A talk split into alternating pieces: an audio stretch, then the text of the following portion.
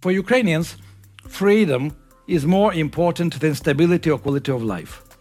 Unlike in Russia. In Russia, stability is more important than freedom.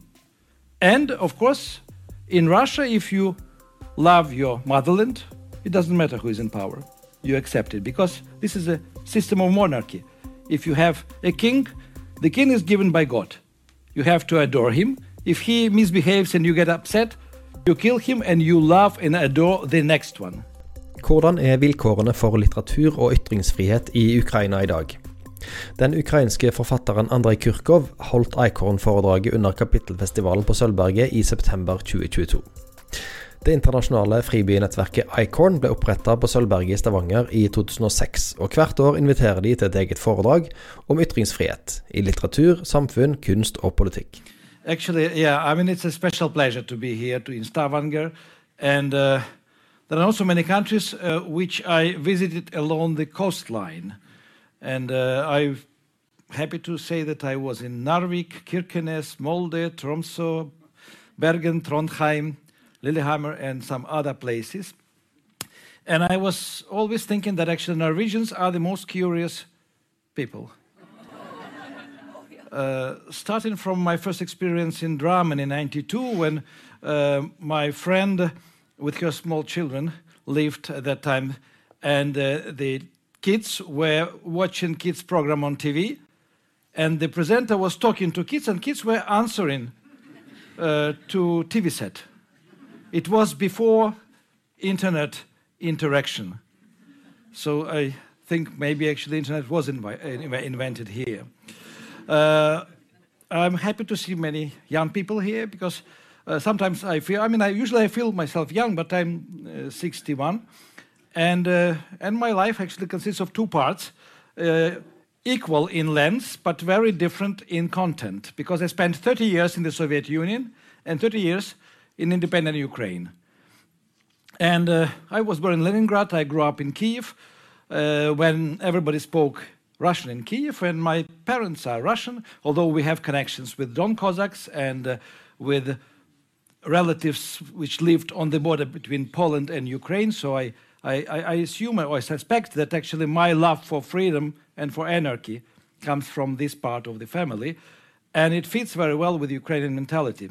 So, I mean, the question of mentality probably I will touch upon later, but uh, I remembered actually one hour ago when I was uh, in the army and I was a prison guard in, in Odessa in the army.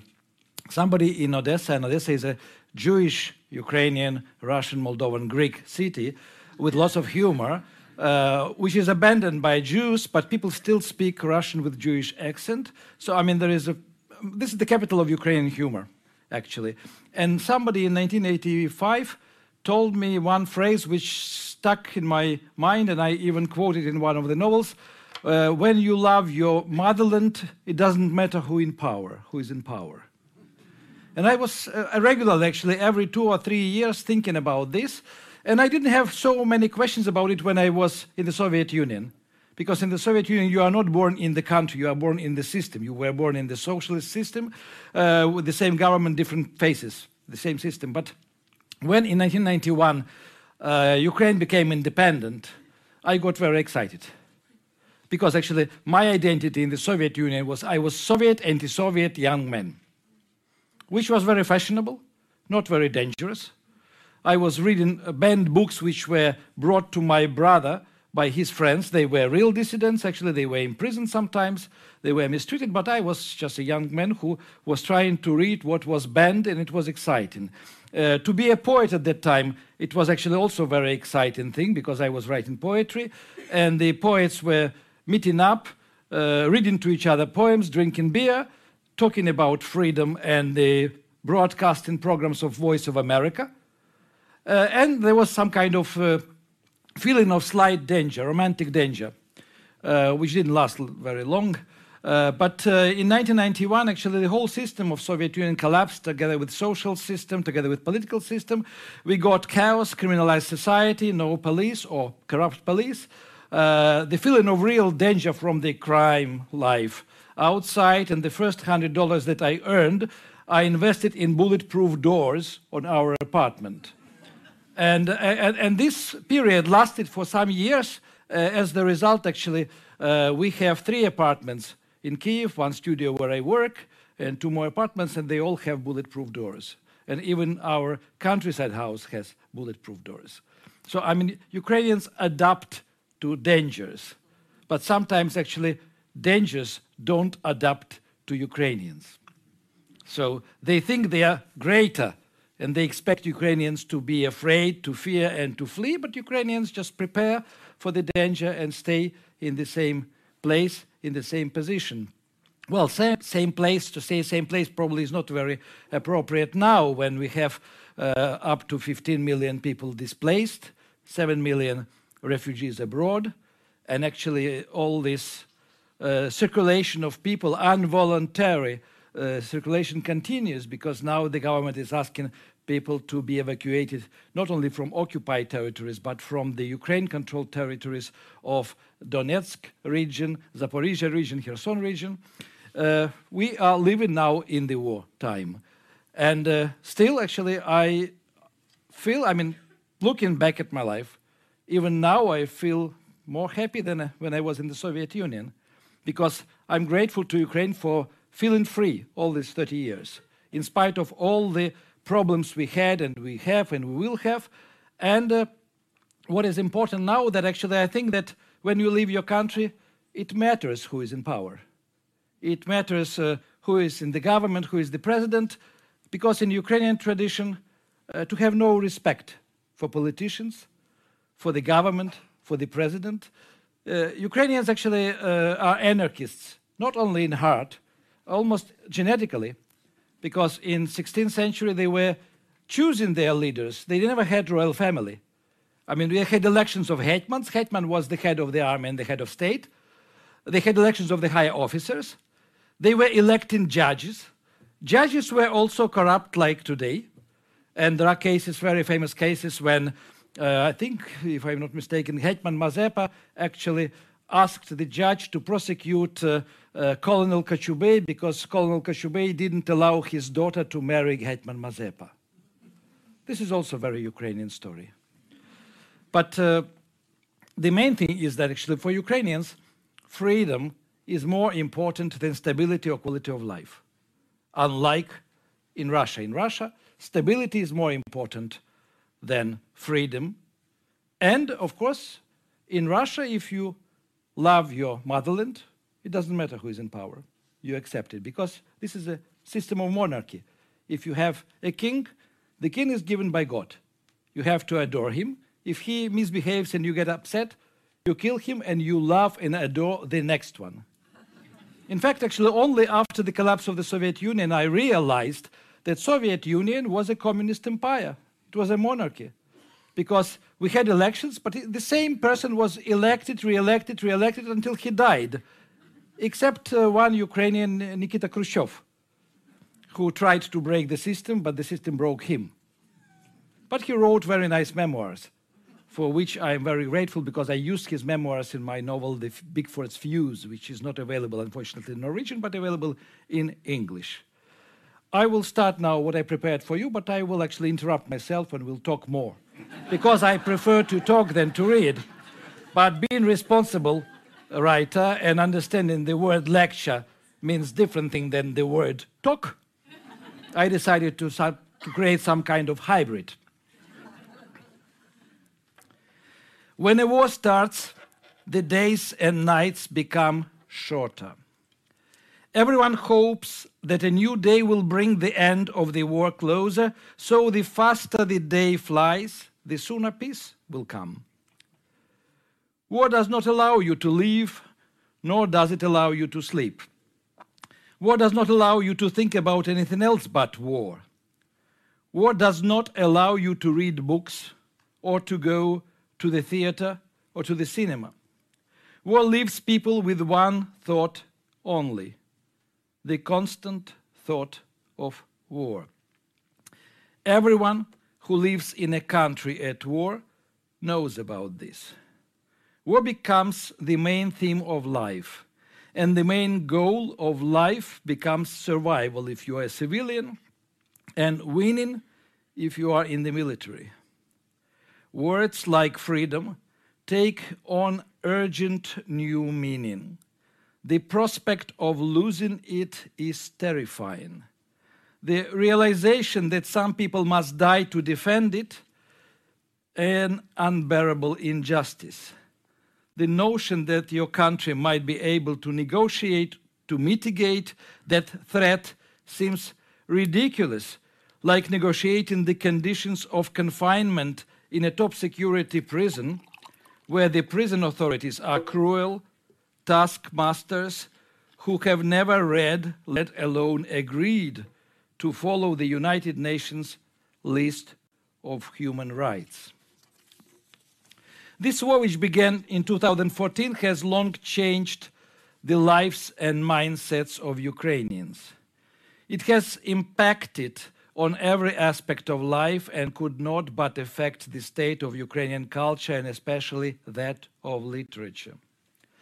Let us take a closer look at some Ukrainian writers, their homes, their home lives and their lives and their biographies. Let us consider how their lives have changed since the beginning of Russian aggression.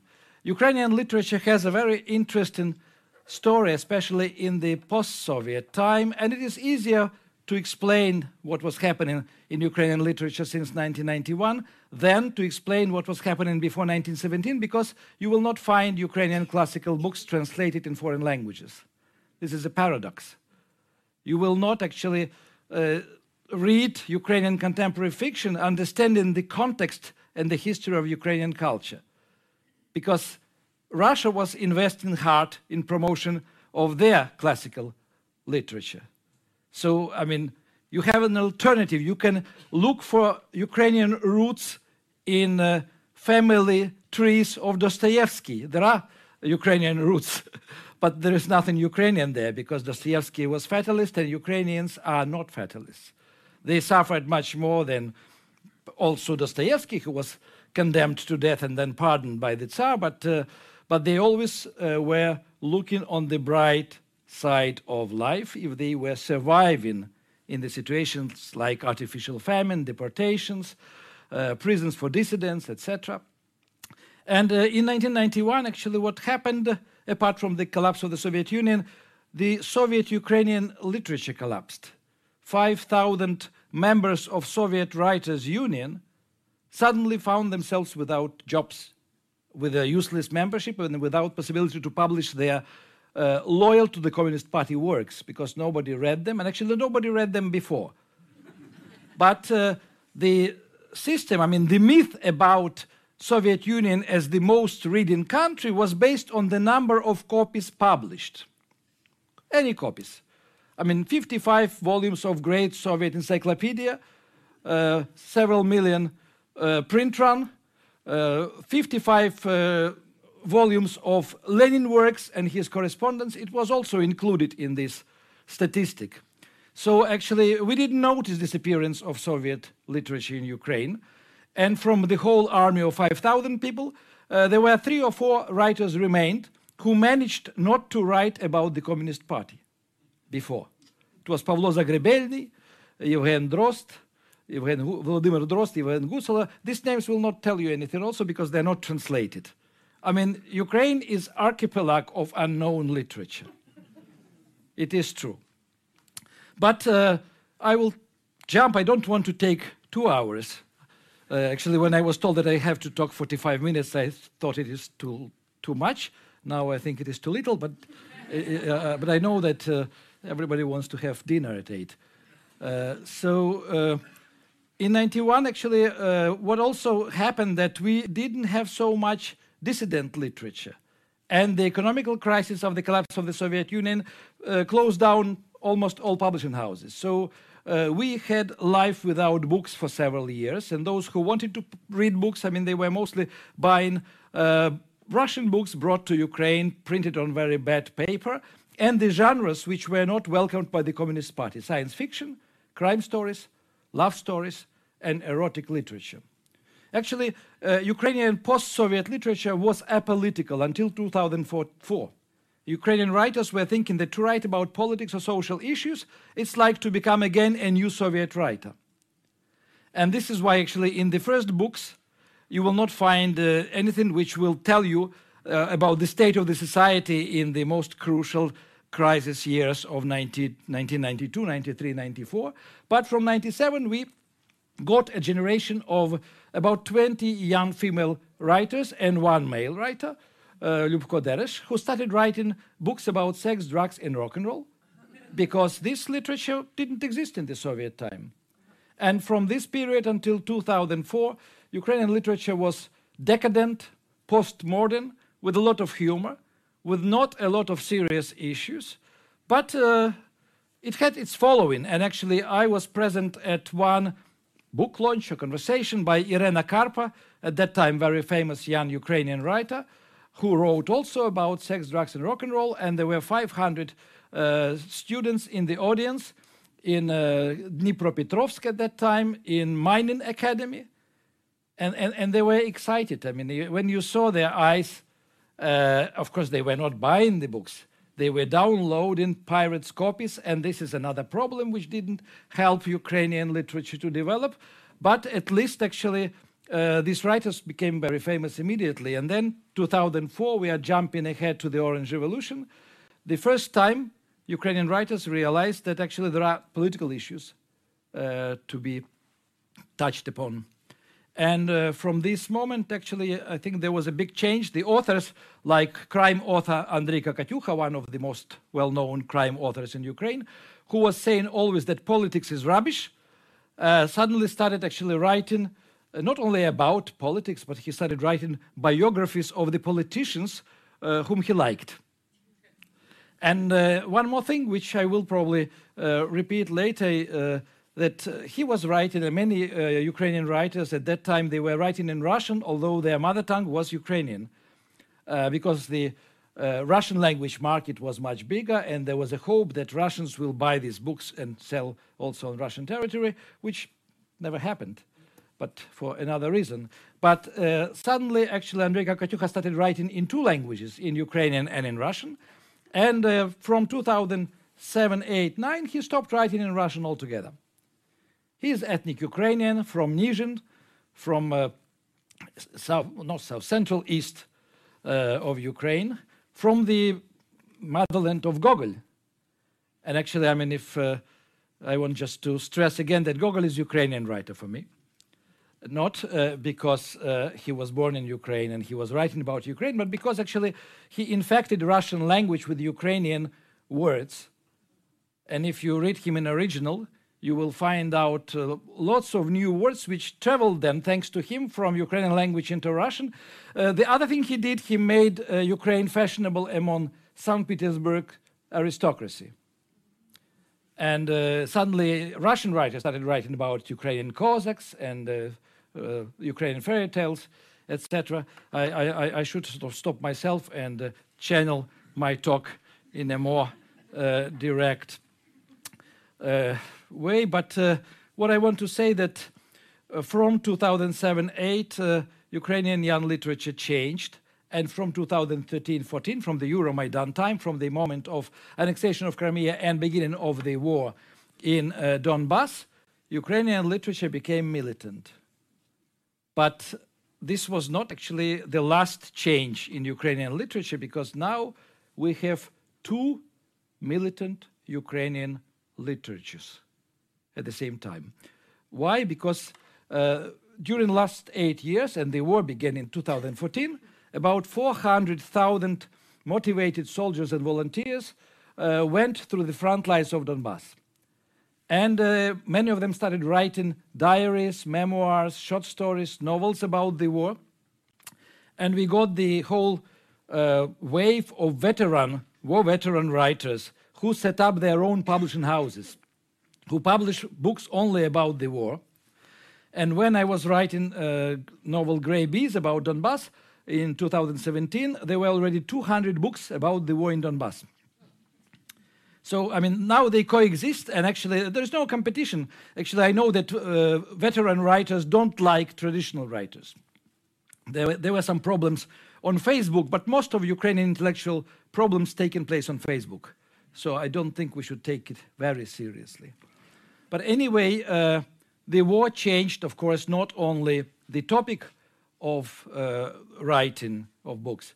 Uh, the war changed uh, biographies and destinies of the writers, and I will uh, mention a couple of writers just for you to understand that actually from 2014 we have a group uh, of refugee writers inside Ukraine. And these were the writers of Lugansk region and Donetsk region and several poets from Crimea who uh, went to the continental Ukraine after annexation. At that time, the most famous uh, in Donetsk living writer, Russian language writer, was Vladimir Rafeenko, uh, who before 2013, actually in 2011 and 12, was awarded in Moscow with uh, the Russian Literature Prize, so-called Russkaya Premia. Uh, he was published in Moscow. Nobody knew about him in Kiev. This is also an, an issue because uh, the Ukrainian literature never took the whole space of Ukraine. Ukrainian culture actually never covered geography of Ukraine, but this is uh, will be mentioned later. But anyway, he had to flee with his wife. He left his library in Donetsk, his flat. Uh, he was given a house, a dacha, summer house, uh, by Ukrainian writer Andrei Bondar. And uh, he moved, he started working as an editor. Uh, he started learning Ukrainian because uh, he didn't speak very good Ukrainian. And as the result, actually, three years ago, he wrote his first novel in Ukrainian. And this novel was edited by this Andrei Bondar, by, the, by his friend, very well known translator and critic and writer. And it was published, and it was quite a symbolic uh, event. So uh, Vladimir Rafeenko said uh, in one interview that now he will write in Russian and in Ukrainian. During the events of the spring 2022, this year, uh, he was under occupation in the house belonging to Ukrainian writer. He was trying to escape from there. It was almost impossible. Uh, people from Kiev were trying to send some uh, people with cars to, to take him away from occupation. And uh, one driver got uh, to this village next to Bucha, by the way, and, and, got stuck in this house because there was shelling and because the Russian soldiers were controlling the streets. And sometimes they were shooting just at anybody or at any car. So in the end, actually, uh, they managed to get out from, from this house to Kiev. And later he went to Western Ukraine. And uh, recently, well, two months ago, he gave an interview and he said that he will never write a word in Russian now in his life. Because, of course, he felt betrayed, not by the language, but by the fact, actually, that he himself was writing in Russian and actually uh, he is ethnic Ukrainian, of course. He was addressing, I think, in his books also the audience probably of Russia, because I mean, I never saw his books uh, even in Russian in Kiev bookshops. But uh, he is not uh, an only writer who was affected in such a way, because we have uh, a writer from Lugansk, Alexei Chupa, who wrote in, always in Ukrainian and always about Lugansk life. And he was clever enough, he didn't stop in Kiev. He went straight to Lviv for his sort of new abode, new house. Uh, the other writers and professors of uh, Lugansk and Donetsk University, Olena Stashkina, uh, and, and, some others, I mean, they started writing in Ukrainian without public uh, announcements. I mean, once they lost their home, they, they changed the language. It doesn't mean for me to change identity because uh, identity is more complicated than only sort of uh, culture and language. But uh, I suspect I wrote something about this. I, when, when, I see that I didn't write, I will come back to this topic. But uh, what I want to say that uh, apart from literature becoming uh, very militant, it changed languages. Ukrainian literature, actually, for me, is literature in many languages. The main language is Ukrainian, which is the only official state language, but of course, there are many writers who still write in Russian, including me, although I, I wrote non-fiction book in Ukrainian. We have Hungarian language writers living in uh, Western Ukraine, in Transcarpathia. We have one writer who writes in Gagauz language. This is the Turkic language, which is used in Bessarabia in Odessa region. And I suspect we have, of course, I should mention Crimean Tatars, uh, who have dozens of writers who write in Crimean Tatar language, and about 15, 20,000 of them left for uh, continental Ukraine. The others remained in Crimea, but now they cannot travel to Ukraine, of course, because of the war.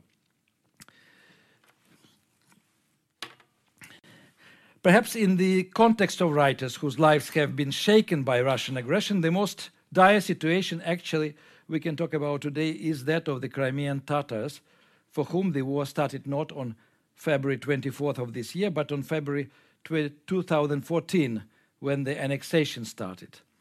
And uh, the uh, Crimean Tatars, apart from uh, being prolific poets, poetry is and was always more important for for their culture than prose. Uh, they had very good journals, journalists. And actually, after annexation, uh, all journalists were arrested or detained or silenced. And then uh, people, educated people who understood that they don't have honest journalists who report on their life, they started uh, working as so-called civic journalists, volunteer journalists, creating websites and sharing the information for other Crimean Tatars. And uh, of course, Russian secret services started immediately uh, searching for them, finding them, imprisoning them on the charges either of uh, drug use or terrorism. And, uh, and then, actually, after uh, one uh, civic journalist was arrested, the, another person would become a civic journalist and would report also from searches and from the courtrooms.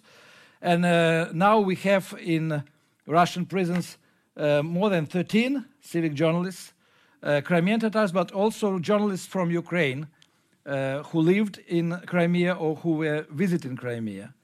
And uh, one of the last to be arrested is Vladislav Yosipenko.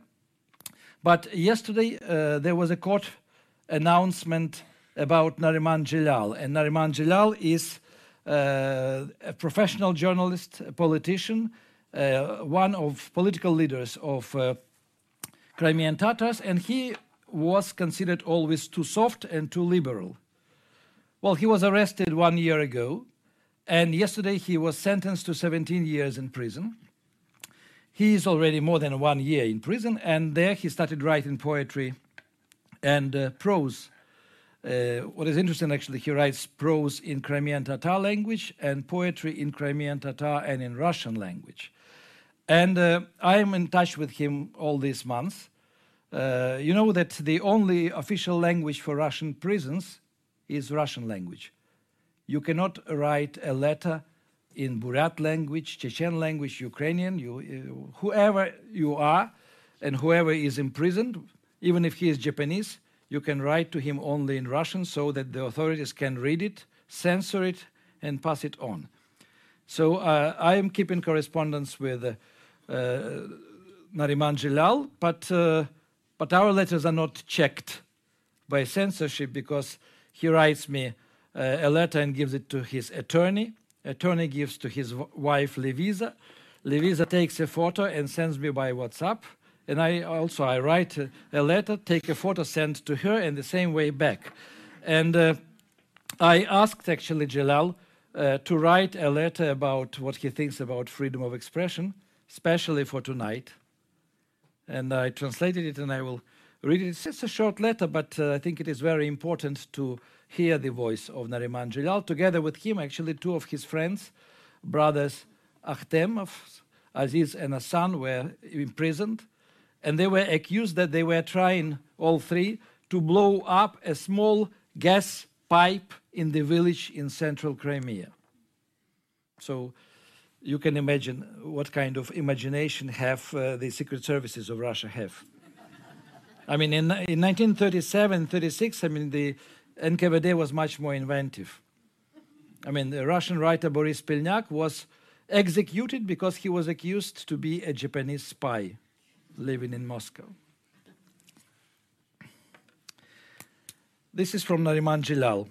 I, as the vast majority of residents of the occupied territories was able to feel the importance of freedom of speech for a full fledged normal society.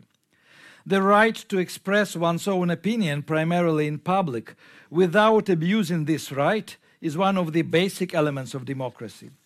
Societies that restrict free speech, often with seemingly good intentions, are doomed to a distorted understanding of the reality that surrounds them.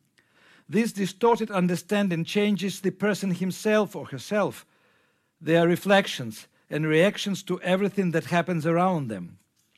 As a consequence, they are unable to respond to the challenges of the time and to those changes in life that lead to the destruction of their own society. This is what happened in, in Russia now. A society that allows the infringement of freedom of speech is unhealthy. In the beginning, an attack on freedom of speech may at first seem less obvious, less dangerous. But this is only a symptom, which, if left untreated, will develop into a serious illness. It is extremely important to ensure freedom of speech and find a balance between this right to freedom of speech and the protection of the public interest against the abuse of freedom of speech. In the occupied Crimea, freedom of speech is practically destroyed. Numerous restrictions on the right to express one's opinion have been introduced at the legislative level.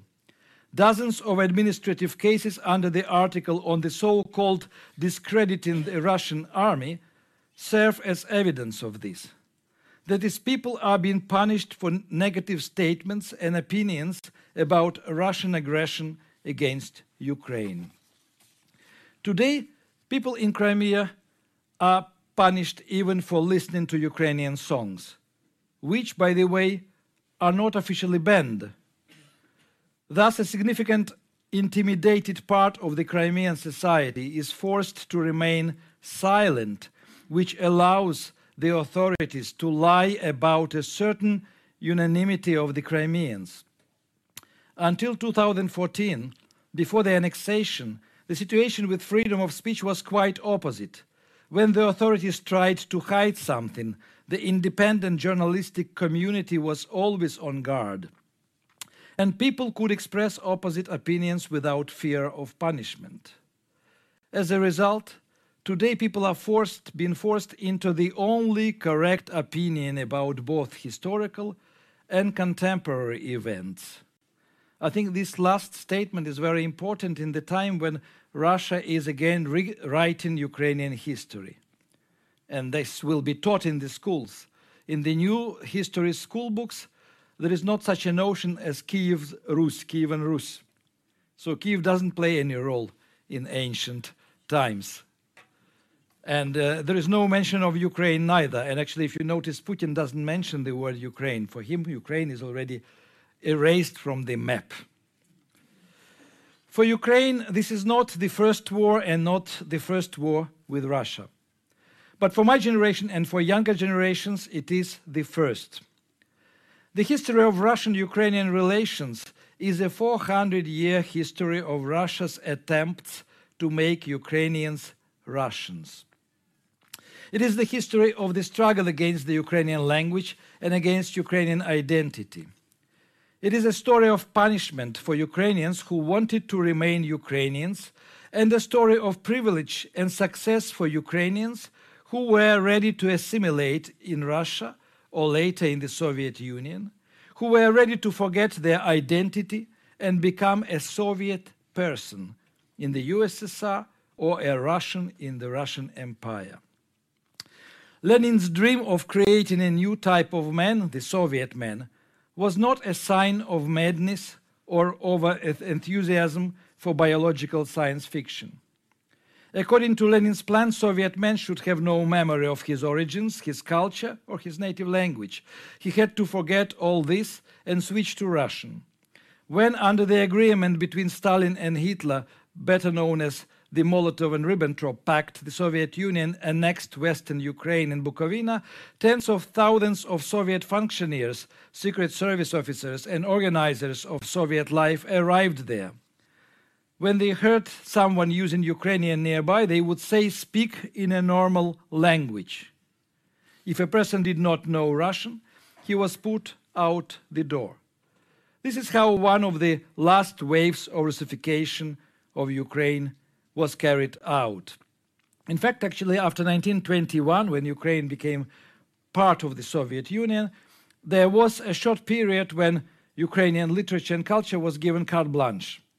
And at that time, of course, the Ukrainian intellectuals and writers and poets, they became very enthusiastic about revolution of 1917, about the Communist Party, about dreams of creating communist society. And actually, the communist system was trying to buy them, and they managed to do it. I mean, they made them privileged class. In Kharkiv, which became capital of Ukraine and remained capital of Ukraine until 34, and at that time it was completely Ukrainian-speaking city. Today it is one million people speaking Russian. So the Communist Party built a whole complex, building complex, uh, only for Ukrainian writers. A very famous uh, building which is called the Word, Slovo. The story goes on uh, more tragically because almost all inhabitants of this house were arrested in 1930s, sent to several concentration camps, gulag camps, mostly to Sandarmokh in the north, and executed. And it was the whole generation of young Ukrainian writers, poets, critics, translators, etc. Even now, in the occupied territories, Russian officers and members of the Russian special services are constantly shouting at Ukrainian speakers with that familiar phrase speak a normal language. Sometimes, surprisingly, these words are spoken not by ethnic Russians, but by Buryats, Kalmyks, Chechens, and representatives of dozens of other ethnic groups of Russian Federation. Most often, these people know more about Russian culture than about their own. They respect and fear Moscow because they consider it is the capital of the world. In fact, Moscow was and remains the capital of fear. It takes away or tries to take away the identity of the peoples living on the territory of the Russian Federation, their language, their history. It is trying to remove the Tatar language from the educational process in Tatarstan, replacing it with Russian. In the same way, teaching in Ukrainian is now prohibited in the occupied territories of Ukraine, and school books are confiscated from school libraries, school, Ukrainian school books. At the beginning of the war, when Russian troops bombed the museum of the well known Ukrainian primitivist artist Maria Primachenko, I doubted that the museum had been destroyed on purpose by deliberately aimed fire. After the destruction of the museum of the Ukrainian philosopher Grigory Skovoroda near Kharkiv, after the murder of the Ukrainian translator from ancient Greek Alexander Kisluk on the threshold of his own house, after the shelling of universities, schools, churches, and libraries, I no longer had any doubt about the fact that this war was not just for territories. The purpose of Putin's war is the destruction of Ukraine itself, of Ukrainians, and the very concept of Ukrainianism. Actually, Putin has never tried to hide his ambition. I will not quote all the ways that he has said that Ukraine should not exist. Doctors do not quote the words of the mentally ill, do they? It is unethical. But the general point of these words suggests the importance of Ukrainian culture, Ukrainian language, and Ukrainian history. Their significance is so great that it has made Ukrainian culture the target of the most expensive ballistic missiles Russia has at its disposal. And why is this? How is it that a culture can be seen as such a tremendous threat that it must be destroyed? As I see it, it is because culture legitimizes the people living on their land. Culture is proof of the inseparable connection between a people and its territory of residence, its country. Culture records and retells the history of a people and their country. If you destroy culture, the people left without it will not be able to prove anything, even in an international court. Of course, there is also world culture, which is like a backup archive it can share information about peoples and their stories, but world culture does not have an army. World culture, like the United Nations, has not yet taken a single step to protect the Crimean Tatar people from new deportations, from vicious repressions against the most active section of Crimean Tatar society. Of course, we must acknowledge that more could have been done inside Ukraine over the 30 years of its independence to shore up the cultures of all the country's ethnic minorities. Ukraine did not pay attention to the culture of the Crimean Tatars, the Hungarian minority in Transcarpathia, the culture of the Bulgarians in Bessarabia, or the Gagauz in the Odessa region. Truth to tell, Ukraine did not even pay attention to its own culture because politicians did not understand the connection between identity and culture, identity and language.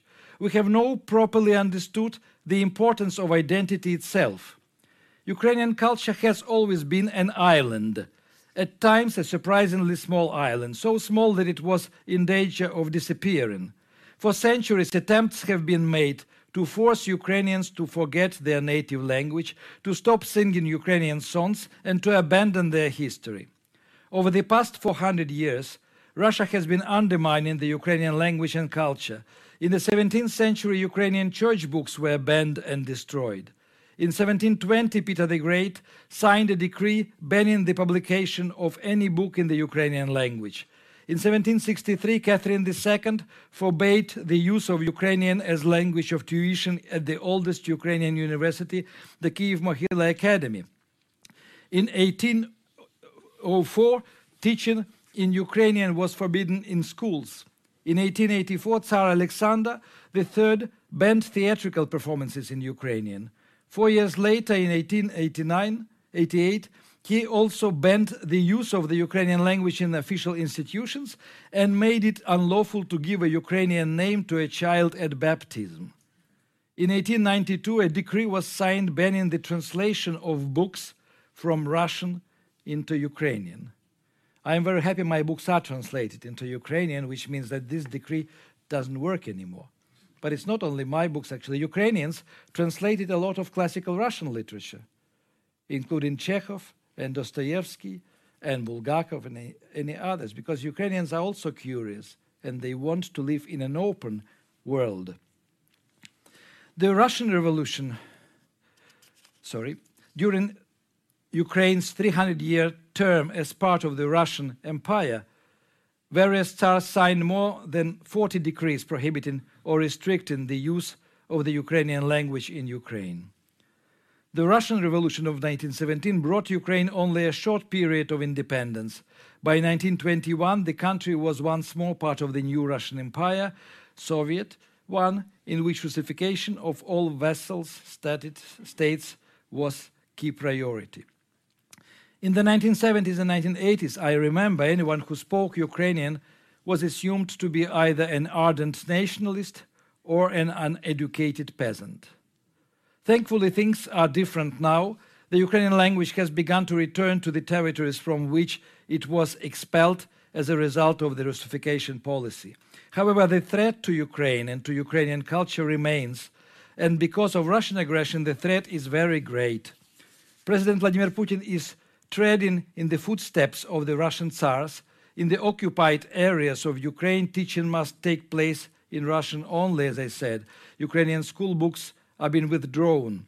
Assimilation camps have been prepared in Russia to which Ukrainians will be taken to be forcibly taught Russian traditions and customs and turned into Russian people.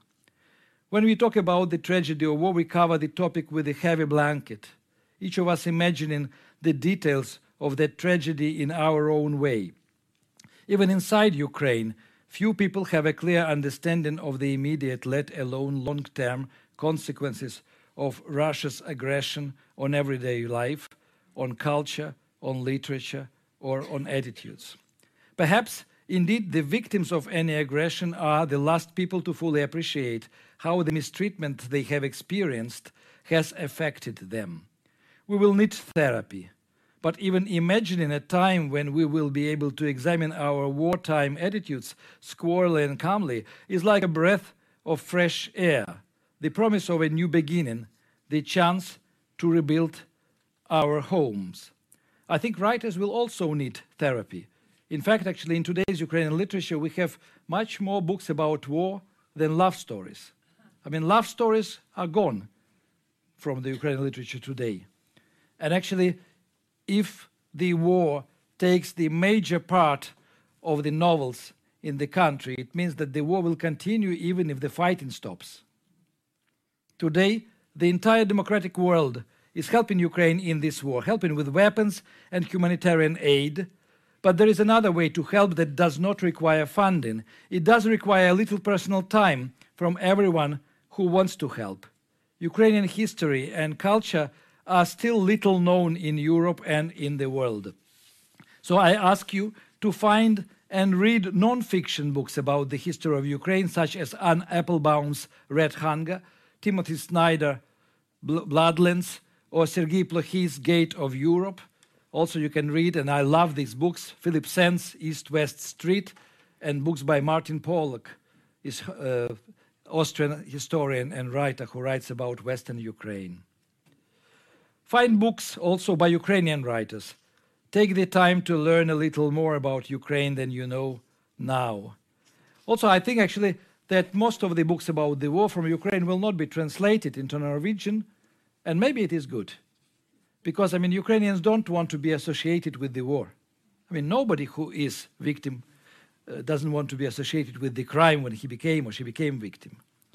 So uh, maybe my last wish would be to, well, I mean, to follow not only the news on Ukraine, uh, but uh, to follow cultural life in Ukraine. And if there is a chance, if you see a poster with Ukrainian musicians playing in Norway, maybe they will be fundraising for Ukraine, please join them, as well as if there is any art exhibition from Ukraine. I want you to know Ukraine better, and I know that the world is open to Ukraine. Ukraine has a niche so that Ukrainian culture would be properly part of international culture, of world culture. Thank you very much.